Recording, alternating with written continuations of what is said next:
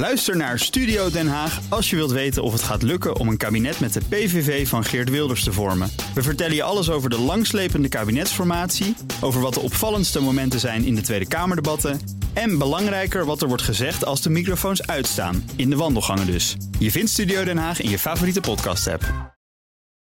BNR Bouwmeesters wordt mede mogelijk gemaakt door Bouwend Nederland. De bouw maakt het. BNR Nieuwsradio. Zet je aan. BNR Bouwmeesters. Urban Farms in de Urban Jungle. Jan Posma. Zie je straks overal tomaten, wortels en aardappelen op de daken en in lege kantoren. Op Urban Farms wordt groente en fruit verbouwd midden in de stad. Welkom bij BNR Bouwmeesters voor bedenkers, bouwers en bewoners. Te gast Justin Schoenmaker, projectmanager Business Solutions bij Priva. Dat is een hele mond vol. En vooral bezig met het verduurzamen van uh, tuinbouw, kantoren en fabrieken. Als ik het zo even een beetje samenvat. Emiel van Rinsum, initiatiefnemer van uh, het Dakakkerproject in Rotterdam. En ook nog een keer directeur van het Rotterdams Milieucentrum.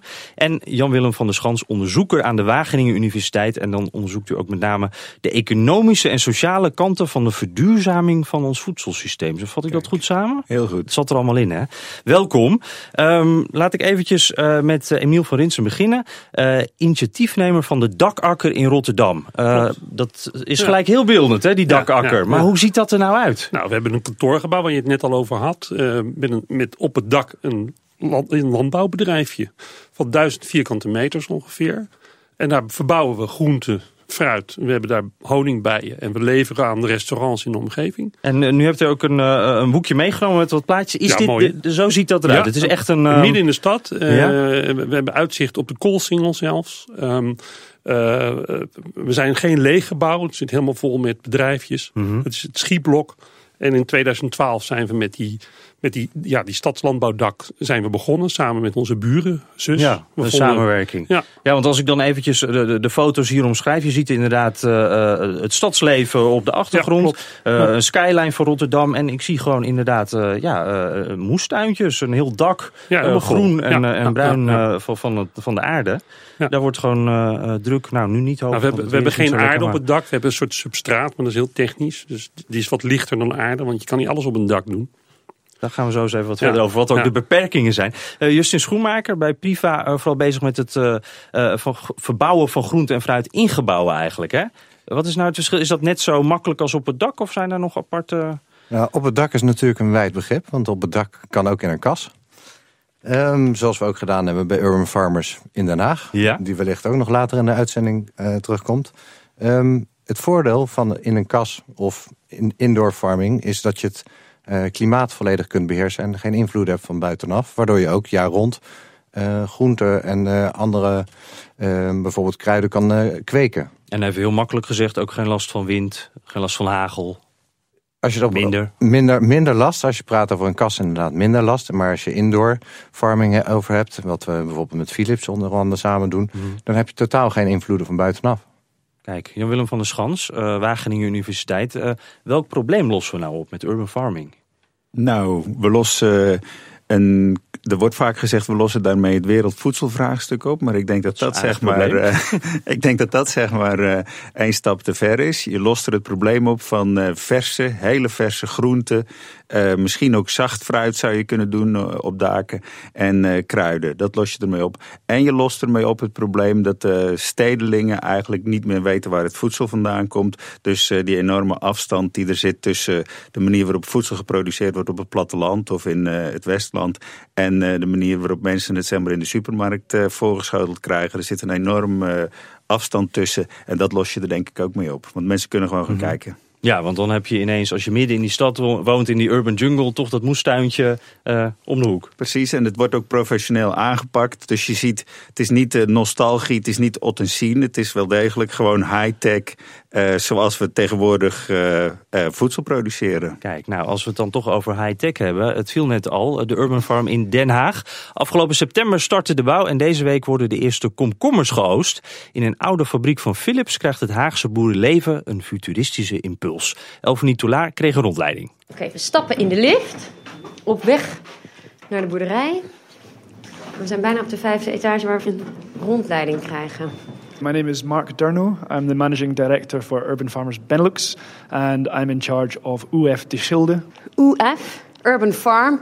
Je komt hier aangereden en je ziet een groot flatgebouw. En boven op het dak zag ik al de kassen. En dan nu naar buiten. Oh nee, helemaal niet naar buiten. Well, we're standing in a two story greenhouse just now. Uh, this is our visitor section of the greenhouse, which is dedicated purely to people coming and learning about urban farmers, about rooftop farming, about aquaponic. Uh, Aquaponic? Aquaponic is the production of fish and vegetables in Yeah. symbiosis. So, fish are es- essentially providing the nutrients for the vegetables, and the vegetables are filtering the water for the fish so it can be recycled. Dus eh, de vissenpoep is mest voor de groenten. Yeah, exactly. Lopen we via de wenteltrap omhoog. En ja hoor, daar zien we de tomatenplanten. Uh, behind the tomato plants, you can't see them yet. We've got salads growing. Uh, we've also got some cucumbers, some eggplants in there as well for next year. En als we dan weer naar beneden gaan, dan komen we bij de tweede tak van sport van deze boerderij. Want ze doen hier niet alleen aan tuinbouw, maar ook aan het kweken van vis. This is our packing and production hall that we're walking through just now.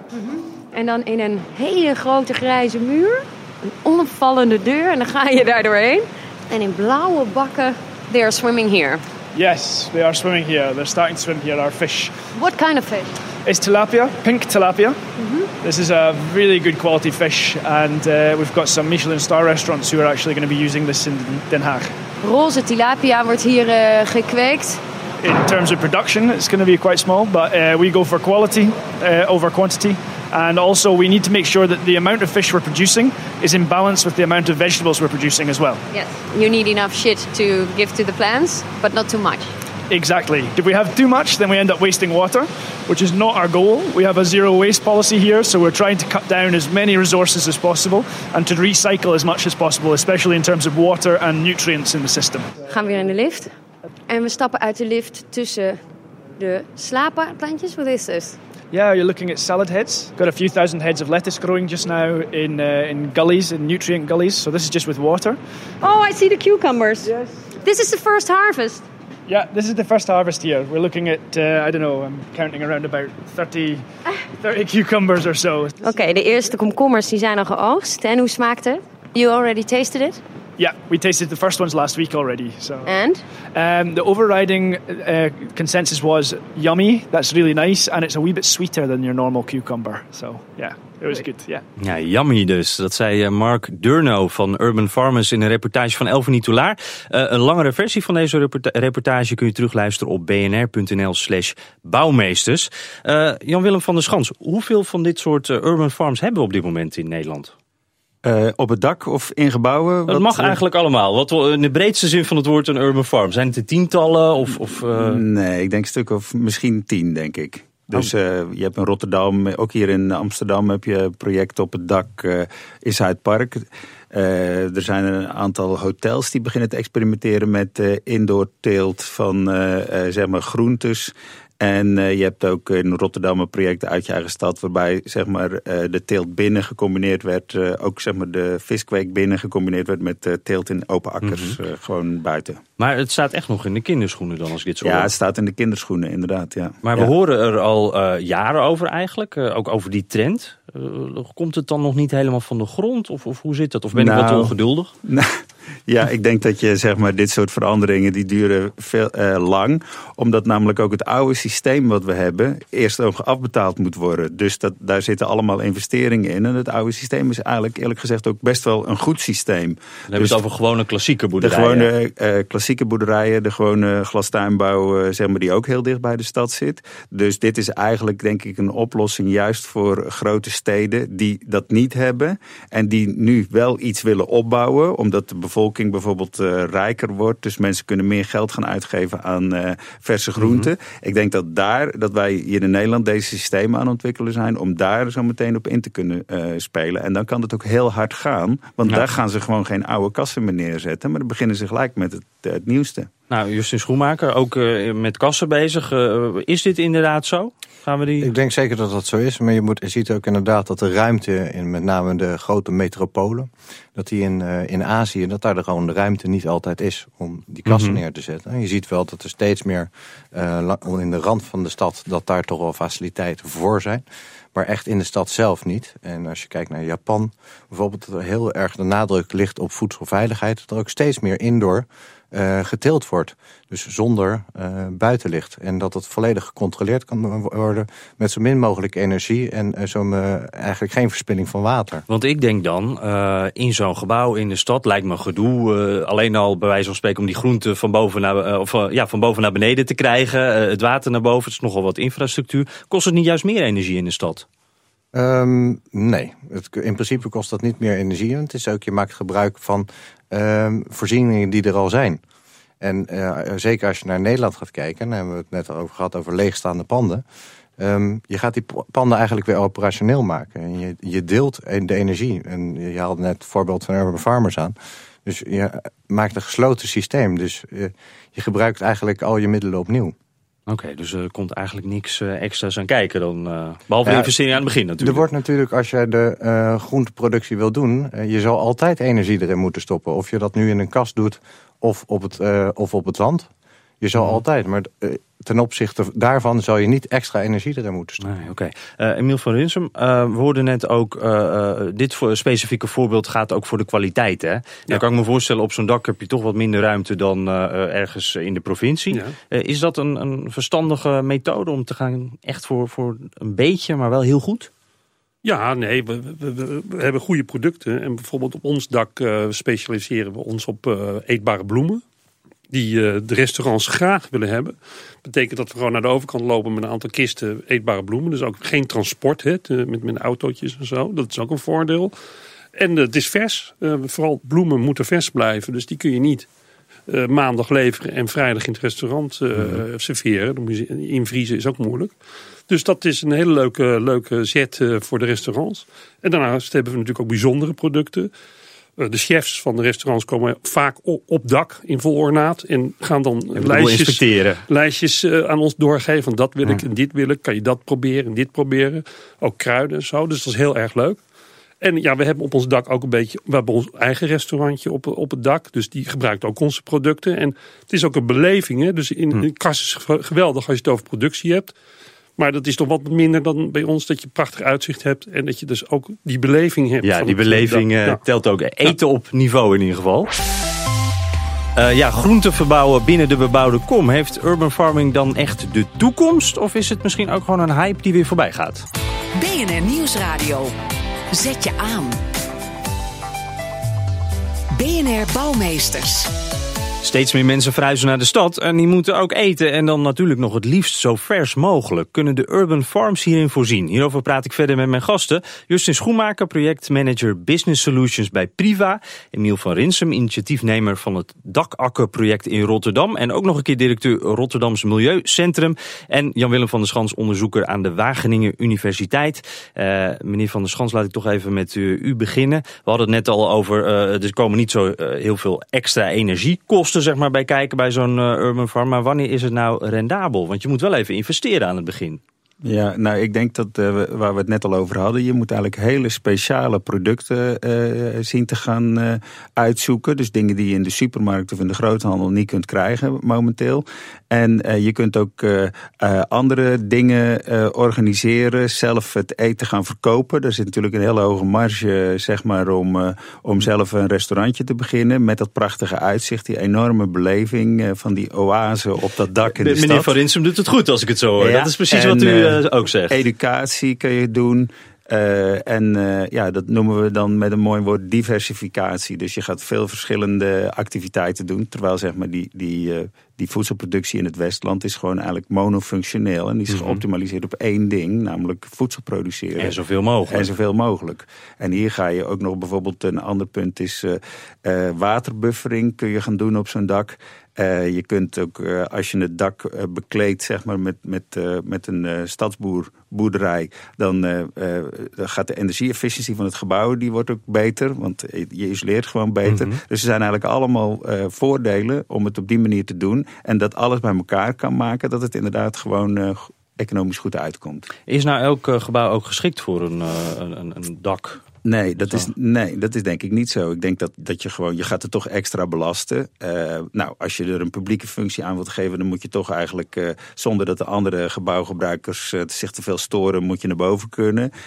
nou, het, het uitzicht doet ook wat, denk ik. Mhm. Dus er zijn natuurlijk wel een aantal daken die hier zich beter voor lenen dan andere daken, zeg maar. Ja, en dan begreep ik dat meneer Verinsum, u staat ook al in de Lonely Planet. Ja, ja. Je, dus die, die beleving, dat lukt al aardig. Onbedoeld eigenlijk, ja. Want er komen allemaal bussen aan met Spanjaarden en Japanners zelfs.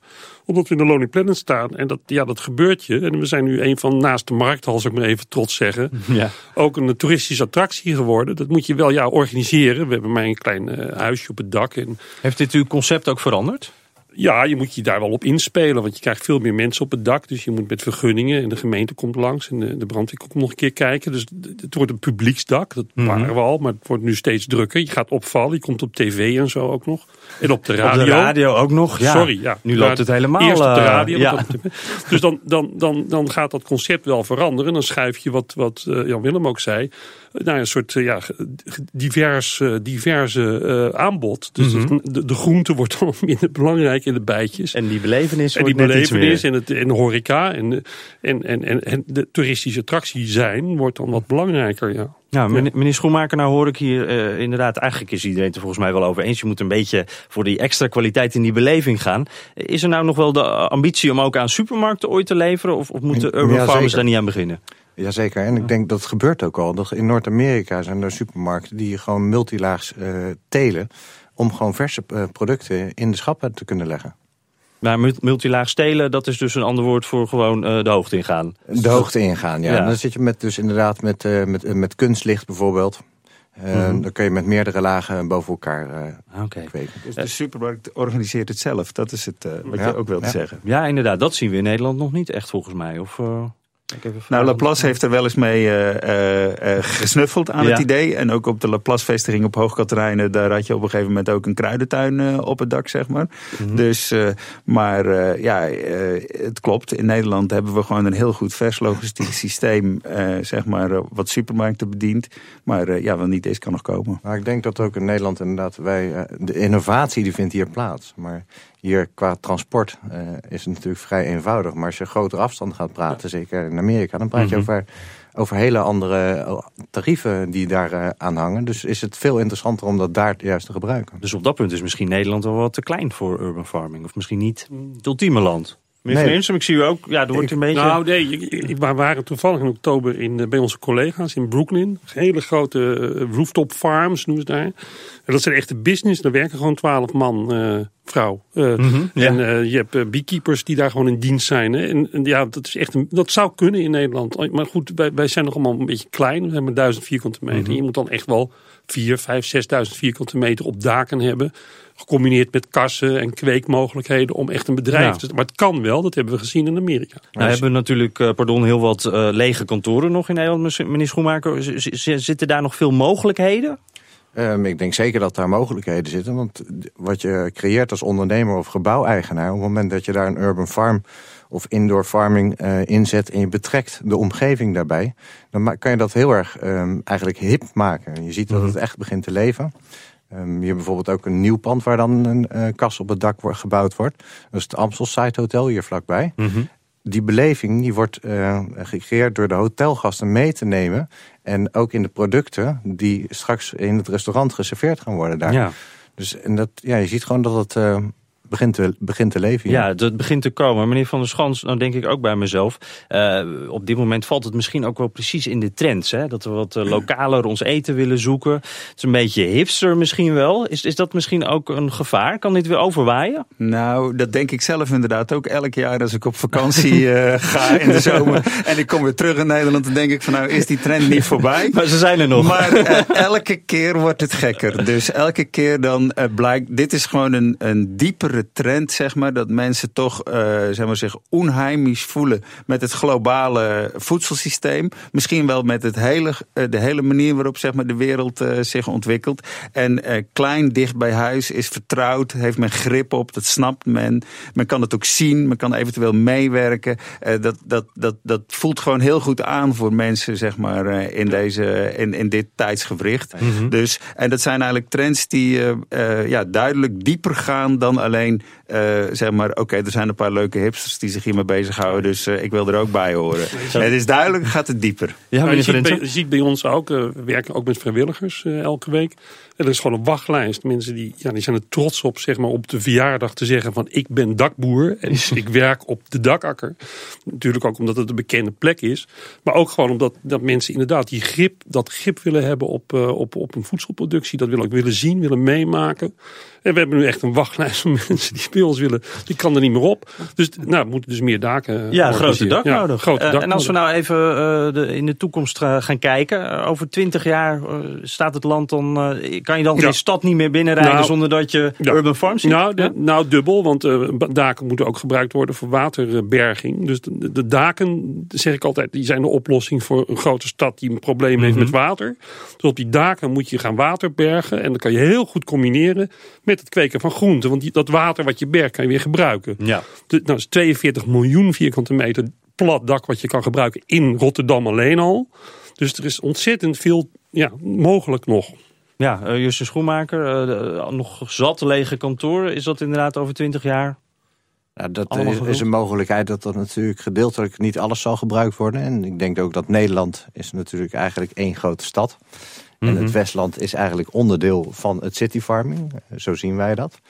Um, ik denk wel dat uh, ja, een aantal gebouwen zeker daar geschikt voor zijn... en dat die daar ook voor ingezet gaan worden. Want ja, local to local, dat is toch wel een hot item op dit moment. Ja, zien we dan ook minder uh, klassieke boerderijen in de toekomst? Nou, ik denk dat het aanvullend is. Dus ik, ik hoop echt dat er zeg maar, zich op die stadsboerderijen nog hele interessante eh, groentes en fruit. Er is veel meer dan dat we echt in de supermarkt kunnen krijgen. Er is echt veel meer. Er zijn honderden variëteiten van aardbeien. Nou, ook de hele zachte tomaten ook. Ze zijn keihard uit het Westland. Dat is op zich een prachtig product. Maar ik wil ook wel eens een keertje een zachte tomaat uh, proeven. En uh, zo kunnen we nog wel doorgaan met allerlei andere gewassen. En ik hoop echt dat die stadslandbouw ons dat gaat bieden. Dus dat we daar een doorontwikkeling, zaad voor de edelaars die daarop inspelen, noem maar op. Uh, dat we daar een doorontwikkeling zien waardoor we gewoon een rijker, gezonder en gevarieerder voedselaanbod krijgen in de ja, stad. En dan misschien straks wel op uh, elk dak een andere soort tomaat. Ja, dat lijkt me fantastisch. Dank uh, Jan-Willem van der Schans, onderzoeker aan de Wageningen Universiteit. Justin Schoenmaker, projectmanager Business Solutions bij Priva. En Emiel van Rinsum, initiatiefnemer van het Dakakkerproject in Rotterdam. Op de schop. In deze rubriek vragen we een deskundige uit het veld welk gebied of welke plek in Nederland nu echt op de schop moet. Met deze week David Keuning, redacteur van het architectuurtijdschrift Mark. Vertel, wat moet er op de schop? Wat voor mij op de schop mag zijn, de ziekenhuizen in Nederland. Artsen en verpleegkundigen verrichten daarin uitstekend werk, maar de architectuur van die gebouwen draagt meestal nauwelijks bij aan het herstelproces. Ik kom oorspronkelijk uit Leiden en daar bestond het academisch ziekenhuis vroeger uit een groene campus met prachtige 19e-eeuwse gebouwen. Ze hadden hoge plafonds en veel ramen. Nu staat er een mastodont uit de jaren 80 waar je de weg kwijtraakt en sowieso zo snel mogelijk weer naar buiten wilt. Dat soort gebouwen laat alleen maar zien hoe geïndustrialiseerd de gezondheidszorg inmiddels is. Wat moet er dan mee gebeuren? Afbreken en vervangen door gebouwen met licht en lucht en ruimte. Vooral veel glas en planten en bomen. Dat het kan, toont Denemarken. Daar investeert de overheid op dit moment miljarden in acht compleet nieuwe ziekenhuizen... die verspreid door het hele land worden gebouwd ter vervanging van de bestaande.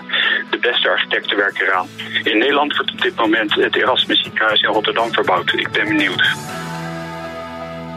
Afbreken, al die ziekenfabrieken, en maken er een prettige, lichte gebouwen van. Een stukje Deens design voor de Nederlandse ziekenhuizen. In ieder geval een mooie uitdaging voor het Erasmus ziekenhuis in Rotterdam, als ik dat zo hoor. Tot zover deze uitzending van BNR Bouwmeesters. Op bnr.nl slash bouwmeesters kunt u hem helemaal terugluisteren. En we zitten ook op Twitter. Dus hebt u nou tips voor ons of een idee over wat er in uw buurt op de schop moet? BNR Bouw of mail uw suggestie naar bouwmeesters.bnr.nl. Dank voor het luisteren. BNR Bouwmeesters wordt mede mogelijk gemaakt door Bouwend Nederland. De bouw maakt het. Ook Diana Matroos vind je in de BNR-app. Ja, inderdaad. Je kunt live naar mij luisteren tijdens de Big Five. Ook handig in de BNR-app. Breaking nieuwsmeldingen, maar ook het allerlaatste zakelijke nieuws. En je vindt in de app alle BNR-podcasts, waaronder Wetenschap Vandaag. Download nu de gratis BNR-app en blijf scherp.